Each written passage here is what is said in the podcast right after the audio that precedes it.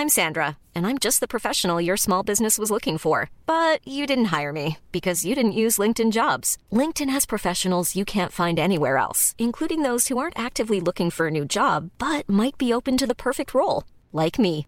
In a given month, over 70% of LinkedIn users don't visit other leading job sites. So if you're not looking on LinkedIn, you'll miss out on great candidates like Sandra. Start hiring professionals like a professional. Post your free job on linkedin.com/people today. Hold up. What was that? Boring. No flavor. That was as bad as those leftovers you ate all week. Kiki Palmer here, and it's time to say hello to something fresh and guilt-free. Hello Fresh. Jazz up dinner with pecan-crusted chicken or garlic butter shrimp scampi. Now that's music to my mouth. Hello Fresh. Let's get this dinner party started. Discover all the delicious possibilities at hellofresh.com.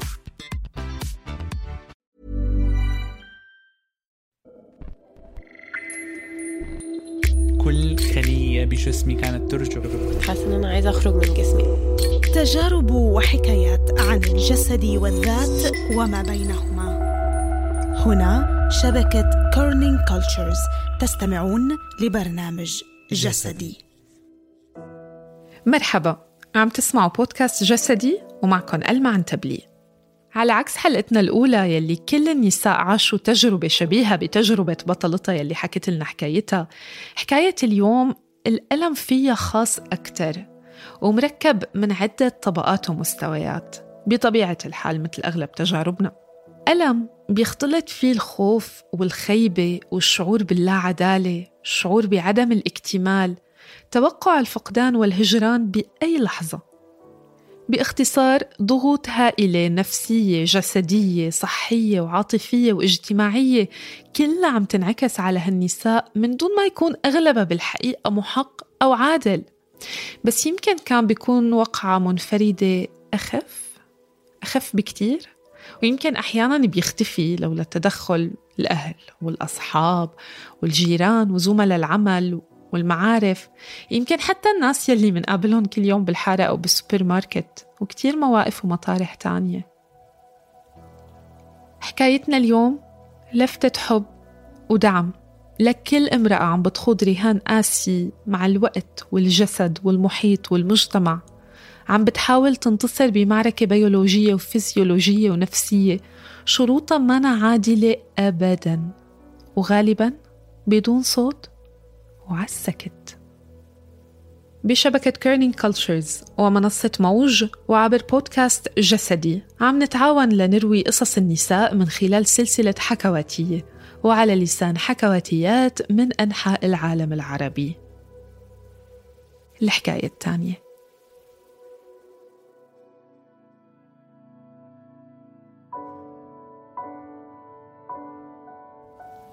القصة دي مش قصتي. لكنها قصة حقيقية لست عربية فضلت إن هويتها تفضل مجهولة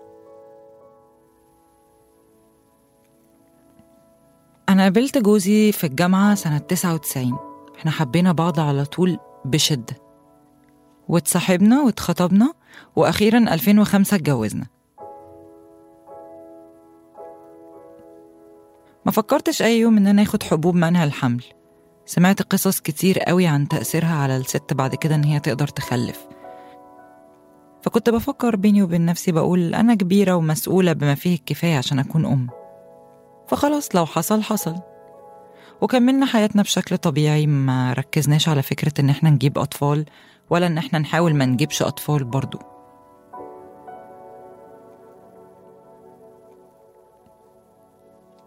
كان الوقت بيعدي وكنا عايشين أيامنا مع بعض مبسوطين جدا وبنقضي وقت كتير مع صحابنا وبنخرج وبنتفسح.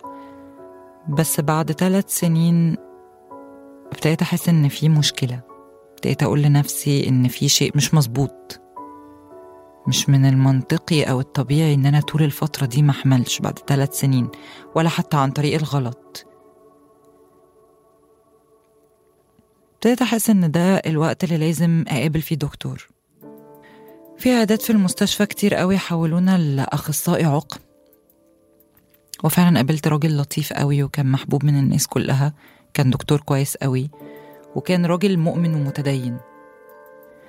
الدكتور ده حولنا للمختبر وقال لي إن أنا أعمل تخطيط للرحم وإن جوزي يعمل عملية لتحليل السائل المنوي عشان نشوف عدد الحيوانات المنوية عنده. النتيجة جت كويسة. مفيش مشكلة عندي في الأنابيب. عدد الحيوانات المنوية عند جوزي كانت أعلى بكتير من المتوسط فالدكتور قال لنا مفيش أي مشكلة. أنا أنصحكم إن أنتوا تستمروا في المحاولة وتسيبوا الموضوع ده بإيد ربنا. واللي ربنا كاتبه هو اللي هيكون. الموضوع حيرني شوية. إن تيجي يعني توصية زي دي من دكتور عقم متخصص ومتمرس بس قلت خلاص أنا هحط ثقتي في الطب وهكمل حياتي أنا وجوزي بشكل طبيعي. قبل ما أكمل بس أنا عايزة أقول ملحوظة صغيرة إن أنا اكتشفت بعد كده إن الدكتور ده ساب مهنة الطب وقرر إنه يبقى قسيس. هي مهنة ملائمة قوي ليه أكتر بكتير من الطب. المهم نرجع للقصة. كملت حياتي زي ما أنا أنا وجوزي عادي جدا ومرت السنين ومن غير ما أحس بالوقت لقيت نفسنا في 2013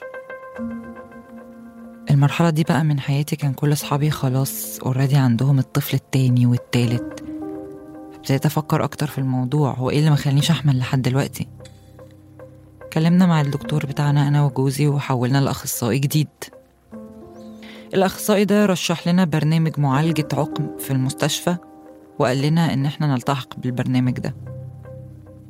البرنامج ده خلاني أقابل أخصائي اجتماعي تاني وهو اللي هيأني عقليا وعاطفيا إن أنا أكمل في الرحلة دي. قدرت دلوقتي طبعا أهمية الخطوة دي لأن أنا لو كنت عارفة من وقتها إن أنا همر بكل الألم النفسي والجسدي والعاطفي ده ما كنتش يعني كملت وكنت انسحبت من البرنامج ده. طلبت الدكتورة الجديدة إن إحنا نعيد الفحوصات مرة تانية؟ والنتائج جت زي ما هي. إن أنا تمام قناتي على ما يرام ما فيهاش أي حاجة. وعدد الحيوانات المنوية عند جوزي برضو مرتفع جدا. نصحتنا الدكتورة بقى وقتها إن إحنا نعمل تجربة آه، تانية اللي هي تجربة أجهزة فحص الإباضة. اشترينا الأجهزة دي هي عبارة عن جهاز صغير كده شبه اختبارات الحمل بالظبط.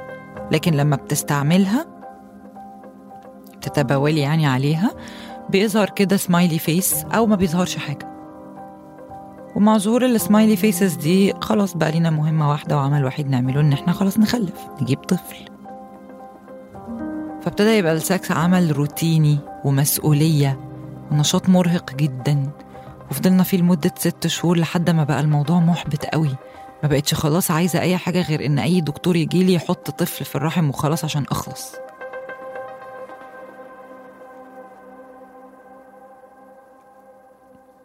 وجه الوقت اللي إحنا لازم نبدأ فيه ال IUI اللي هو التلقيح داخل الرحم. يعني إيه؟ يعني هنعمل حقن للحيوانات المنوية بتاعت جوزي مباشرة في الرحم.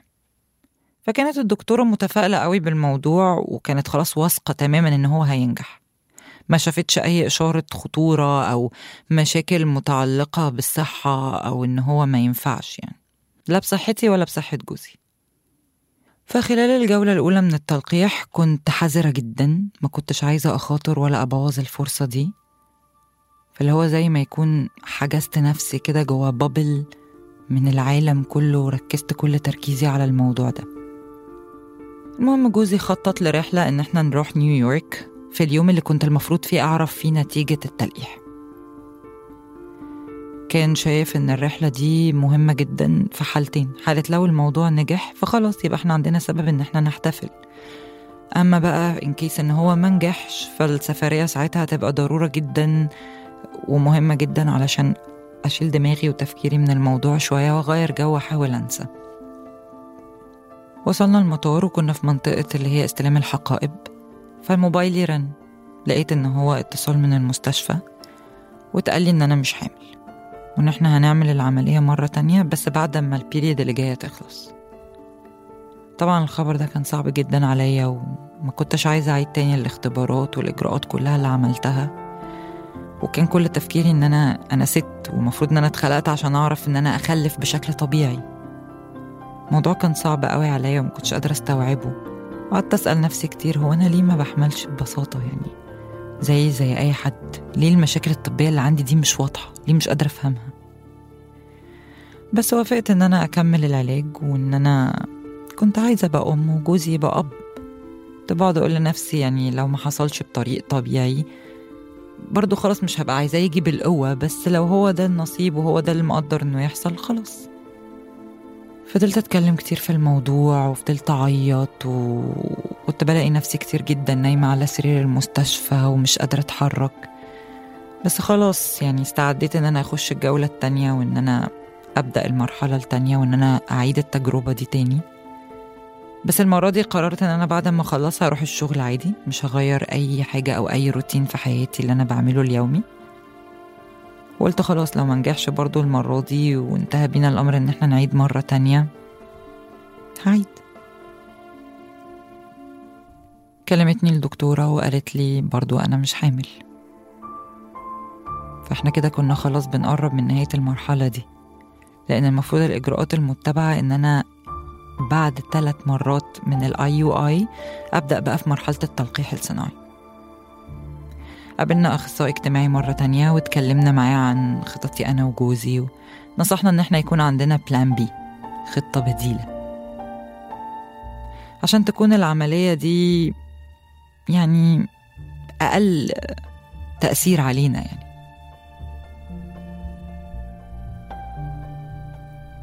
وبعد ما فشلت الثلاث مراحل بتوع ال IUI والثلاث محاولات اللي أصلا طول الفترة دي زاد وزني حوالي 14 كيلو. بقيت عايشة حالة كده من الفوضى. كنت متدمرة نفسيا جدا وكنت مكسورة بطريقة إن أنا ما كنتش أتخيل نفسي ابدا إن هتحصل لي الكسرة دي. طبعا أنا وجوزي ما كناش بنتكلم مع عيلتنا ولا أصحابنا خالص في الموضوع ده. إحنا ثقافتنا يعني من مش مش شيء ظريف إن إحنا نتكلم عن العقم يعني. بيعتبروه زي ما يكون عار. أنا فاكرة إن في مرة من المرات أنا وجوزي هربنا للحمام في فرح ابن عمي علشان يقدر جوزي إن هو يعمل لي حقن ل... ل... لجولة من جولات ال IUI كنا خايفين قوي لحد يشوفنا وإحنا. بنهرب كده للحمام وكنا مضطرين نشرح إحنا بنعمل إيه لأصحابنا أو لأهالينا يعني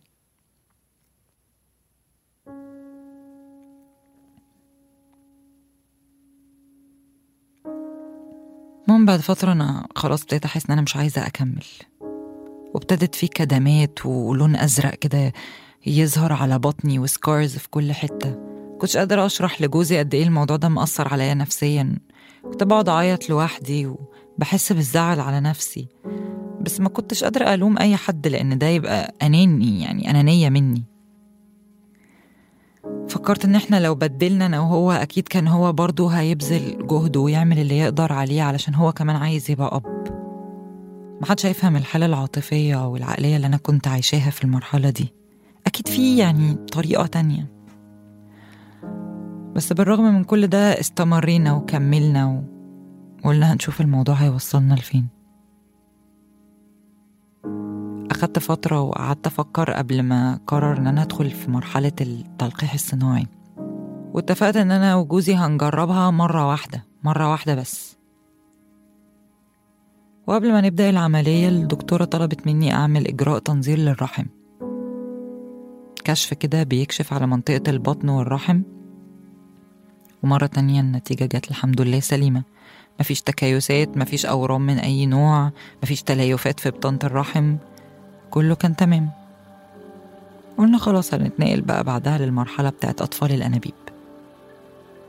وفي اليوم بتاع استخراج البويضات الدكاترة قدروا إن هما يخرجوا 17 بويضة.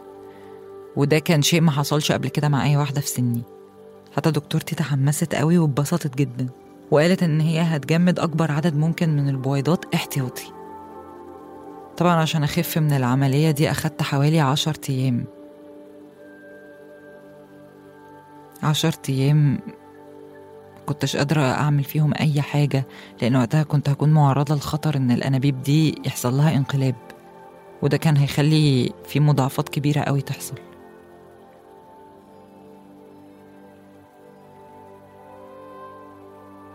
وفي اليوم بتاع النتيجة قعدت على الكنبة فتحت Netflix قعدت أتفرج على Netflix كنت مالية التلاجة كلها ice cream والمطبخ كله snacks و munchies قلت خلاص بقى أنا هريح خالص لنهاية الفترة دي وأشوف.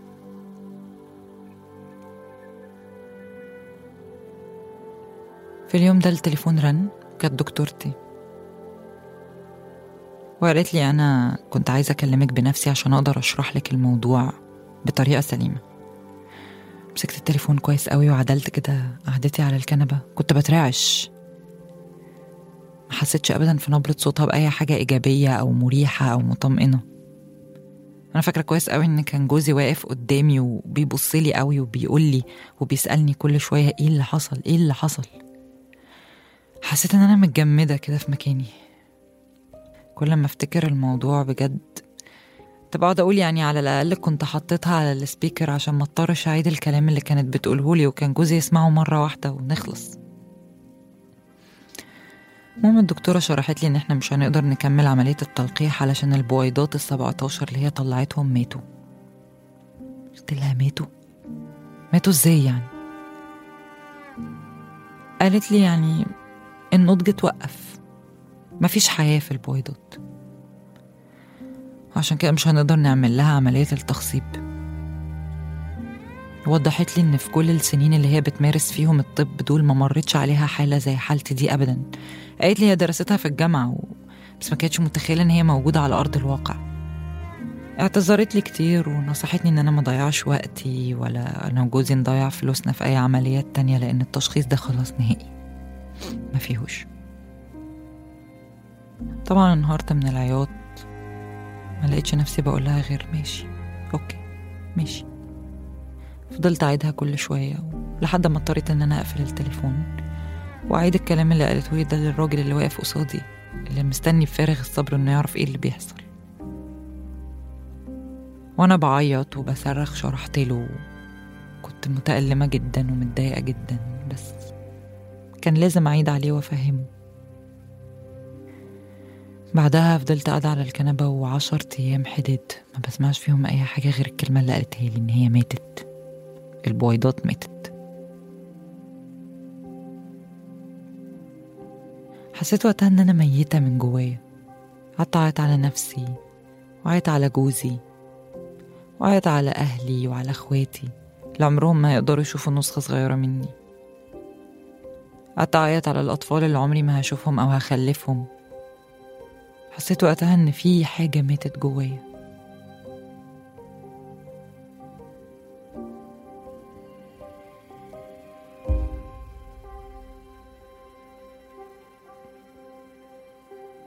مرت كده أسابيع لحد ما قدرت أجمع نفسي تاني وأقوم من اللي حصل ده. حسيت وقتها إن أنا عايزة أتكلم مع حد. عايزة أنفس مع شخص. يفهم إيه اللي أنا كنت بمر بيه ده ويكون حاسس بيه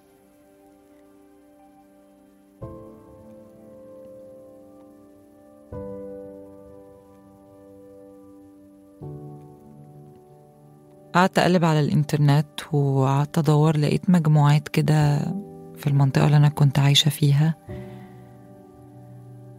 مجموعة أمهات مروا بتجارب كده معينة تشبه للتجربة اللي أنا مريت بيها. ولقيت ستات كتير بيتكلموا عن فكرة أطفال الأنابيب والإجهاض. بس حسيت حاجة غريبة برضو وأنا بتفرج على الفيديوهات دي. كل واحدة منهم حتى وهي بتشارك بقصتها كان في طفل جنبها. كل واحدة فيهم قدرت في الآخر ونجحت إن هي تبقى أم. فقلت ولا واحدة من الستات دول شبهي. مش ده اللي أنا عايزاه. على الأقل كلهم في الآخر بقى عندهم طفل. بس ما بطلتش أدور. ده فضلت أدور وأدور لحد ما لقيت مجموعة دعم فيها خمس ستات. كلهم حالتهم زي حالتي. ما يقدروش يخلفوا وكل واحدة عندها سبب مختلف.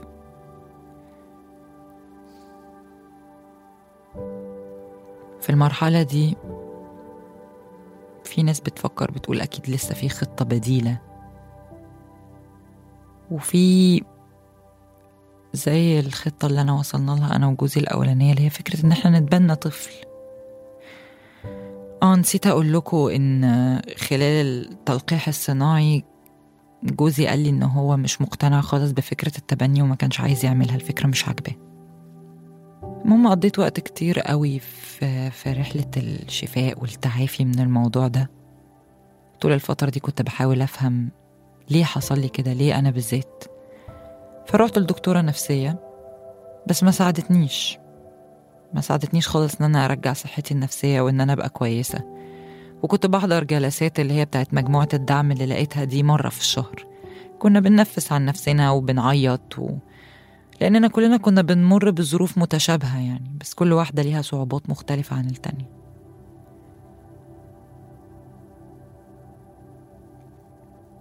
قررت دلوقتي إن أنا أتكلم عن قصتي وتجربتي دي وإن أنا أشاركها في العلن علشان خلاص مش قادرة أحتفظ بيها لنفسي أكتر من كده.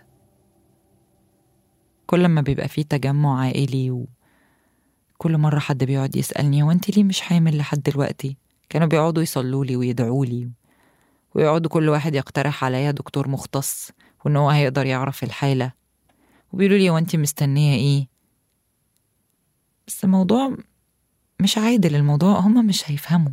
هما مش هيفهموا أنا بمر بإيه. فقررت إن أنا أحكي لهم كل حاجة أنا مريت بيها وأشاركهم تجربتي وتشخيصي الطبي ده. تعاطفوا معايا طبعا بس ما قدروش يتقبلوا الوضع. فضلوا يضغطوا عليا إن أنا أشوف دكاترة تانيين. وقالوا لي إن الموضوع خلاص يعني مش مضر كده كده إيه المشكلة إنك تشوفي دكتور تاني وتسمعي رأي تاني؟ كنتش حاسة إن هما هيقدروا يفهموا الموضوع والمعاناة اللي أنا مريت بيها قوي طلبت منهم إن هم يحترموا ويقدروا اللي أنا مريت بيه ويسيبوني في حالي يعني. بس طبعا ماما ما قدرتش ما تقبلتش الموضوع خالص وما قدرتش تتخطاه. بدأت تتصل بعيادات كتير وتحول لي اتصالات لدكاترة مختلفين عشان أشرح لهم حالتي. فبقيت مقضية حياتي ما بين إيميلات وما بين اتصالات بدكاترة كل شوية. أقعد أشرح حالتي وأقعد أحكيها. بعضهم قال لي إن أنا ممكن أحاول أعمل عملية أطفال الأنابيب دي تاني أعيدها تاني. وفي بعض أكد نفس الكلام اللي دكتورتي الكندية قالته لي. مش قادرة أحدد إيه السبب اللي خلاني أفكر إن أنا أكلم دكاترة بره ممكن كنت حاسة من جوايا إنه لازم أعمل اللي عليا وأتأكد بأي طريقة إن خلاص.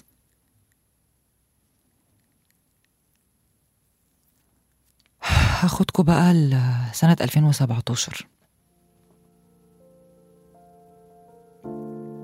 أنا وجوزي كنا خلاص متحطمين نفسيا. بس كل واحد بيتعامل مع الموضوع بطريقته الخاصة. كأنه خبى الموضوع في أزايز كده وقفل عليها. فما كانش فيه أي حد عايز يتكلم مننا عن الموضوع ده لأي حد تاني.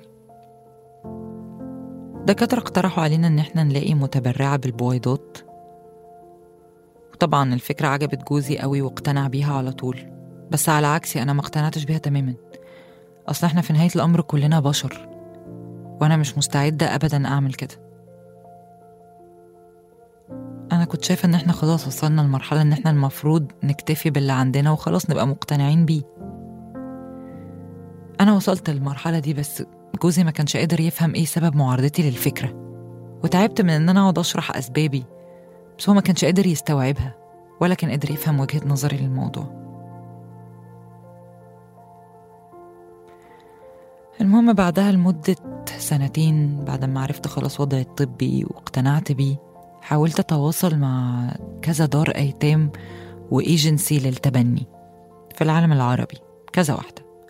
واتكلمت مع مع صحاب ليا كتير هم قدروا يوصلوني لأشخاص قادرين يفهموا حالتي وقادرين يساعدوني. بس كان مع كل محاولة كلمة لأ هي الرد اللي كنت بقابله. كل لما أحاول أتبنى مفيش. لأ لأ لأ. حتى كل دور الأيتام اللي أنا كلمتهم وحاولت أتواصل معاهم كانوا مهتمين بس إن هم يحصلوا على تبرعات مالية. مفيش حد عايز يدينا طفل. مفيش حد عايز يتخلى عن أي طفل من الأطفال اللي عنده ويديهم لنا. جربت أكلم ناس في الأردن وفي لبنان وفي سوريا وفلسطين ومصر والعراق. برضو الرد الوحيد اللي كان بيجيلي هو لأ. حتى في مرة من المرات كنت بقلب الإنستجرام ولقيت بوست واحدة ست مشهورة عايشة في دبي قدرت إن هي تتبنى طفل من لبنان. كلمت شركة المحاماة اللي قدرت تساعدها ووصلوني بأشخاص بيشتغلوا على المواضيع اللي زي دي. عملت كل ده من غير ما أعرف جوزي. على أمل بس إن لو جات لي موافقة من أي وكالة تبني أو دار أيتام هقول له على طول إن إحنا خلاص نقدر دلوقتي نتبنى طفل. وأنا متأكدة إن هو أول ما يشوف الطفل ده هيقع في حبه وهيوافق على طول. النهاردة أخيرا اقتنع جوزي بمسألة التبني دي.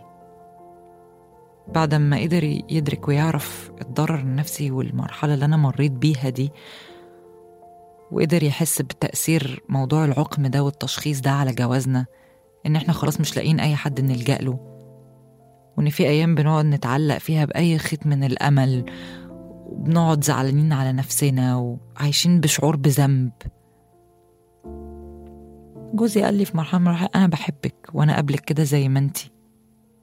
أنتي بالنسبة لي كفاية. بس ده ما كانش كفاية بالنسبة لي. حسيت بتأنيب ضمير وحسيت إن أنا حرمته من إن هو يبقى أب. حسيت إن ده بسببي. وخفت مع الوقت إن هو يزهق مني أو يسيبني. مع إنه مش من النوع ده من الرجالة خالص خالص. بس الحياة بتغير الناس. وخاف في يوم من الأيام إن هو يبص لي بطريقة غير اللي هو شايفني بيها دلوقتي. وتعلمت خلال الرحلة دي تعلمت حاجة مهمة قوي إن العقم ده عبارة عن معركة. صعب إن الناس تتكلم عنها هي معركة صامتة. وبغض النظر عن قد إيه أهلي وصحابي وقفوا جنبنا هم برضو مش هيعرفوا غير قليل قوي عن اللي أنا عانيته ومريت بيه. وإحنا في ثقافتنا على طول بنحس بالعيب لما تبقى حاجة متعلقة بمشاكل العقم وبيصعب على المجتمع بتاعنا إن هو يتكلم عنها. أنا طبعا مش قادرة ألاقي حاجة منطقية من اللي بيحصل ده. مش قادرة أفكر في الحياة حتى إن هي تكون منطقية. في أيام بتمر عليا كتير قوي وأنا بدعي ربنا وبسأله بحاول أفهم هي دي عقوبة ولا دي نعمة؟ مش قادرة أحدد. كل اللي أعرفه إن لو قلبي قدر يتكلم هو بجد هيصرخ بصوت عالي قوي من كتر الدعاوي والصلوات اللي أنا كنت بعملها بس بأمنية واحدة إن أنا يبقى عندي طفل.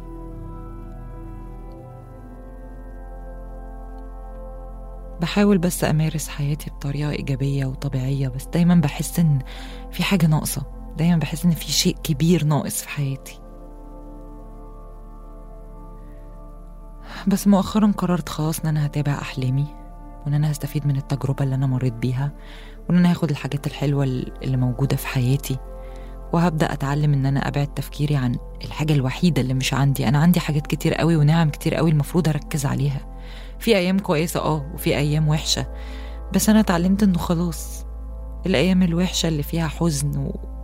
وأسى دي هتعدي مش لازم أستسلم لها. لأن في حاجات تانية حلوة جدا لازم أركز عليها.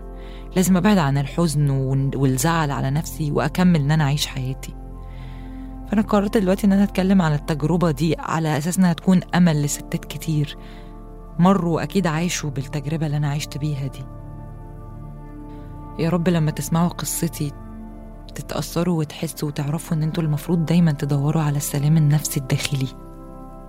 وبقول لكل ملكة منكم انت تستحقي الحياة مهما كنتي اوعي ابدا تبطلي إن انت تدعمي نفسك وتقدريها وتتحدي كل حاجة بتمر بيها والمغامرات اللي بتعيشيها في حياتك. وعايزاكي تعرفي حاجة واحدة مهمة جدا انت مش لوحدك.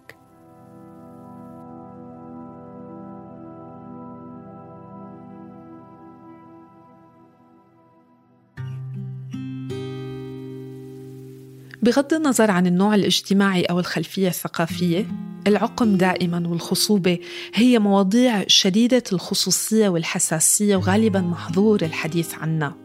وبتزيد هالضغوط أضعاف مضاعفة عند النساء العربيات لأنه دائما في ربط مباشر بين القدرة على الإنجاب وبين كون الامرأة امرأة استحقاق لها اللقب واستحقاق لشريكة استحقاق لتكون بعلاقة.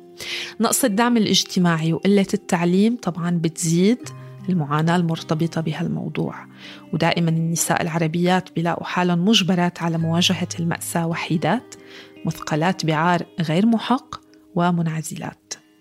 إذا محتاجين بعض الدعم زوروا صفحة موجة على إنستغرام لمزيد من المعلومات والنصائح كمان يلي ممكن تساعدكم تتخطوا هالفترة والتجربة العصيبة. وكمان بتشاركونا بالحوار والنقاش.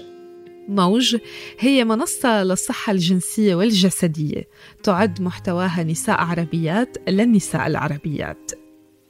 شكر كتير كبير على المتابعة من فريق البرنامج. من الإعداد هبة عفيفي وشهد بني عودة وأنا ألما عنتبلي وفريق موج. من التصميم الصوتي محمد خريزات بول ألوف وسارة قدوري. من التسويق بلا إبراهيم وسمية أبو عبد الله الأداء الصوتي لحلقة اليوم كان لمنى التوني ورسوم الحلقات لمنى الكاتب حكاية جديدة الخميس الجاي ضلوا بخير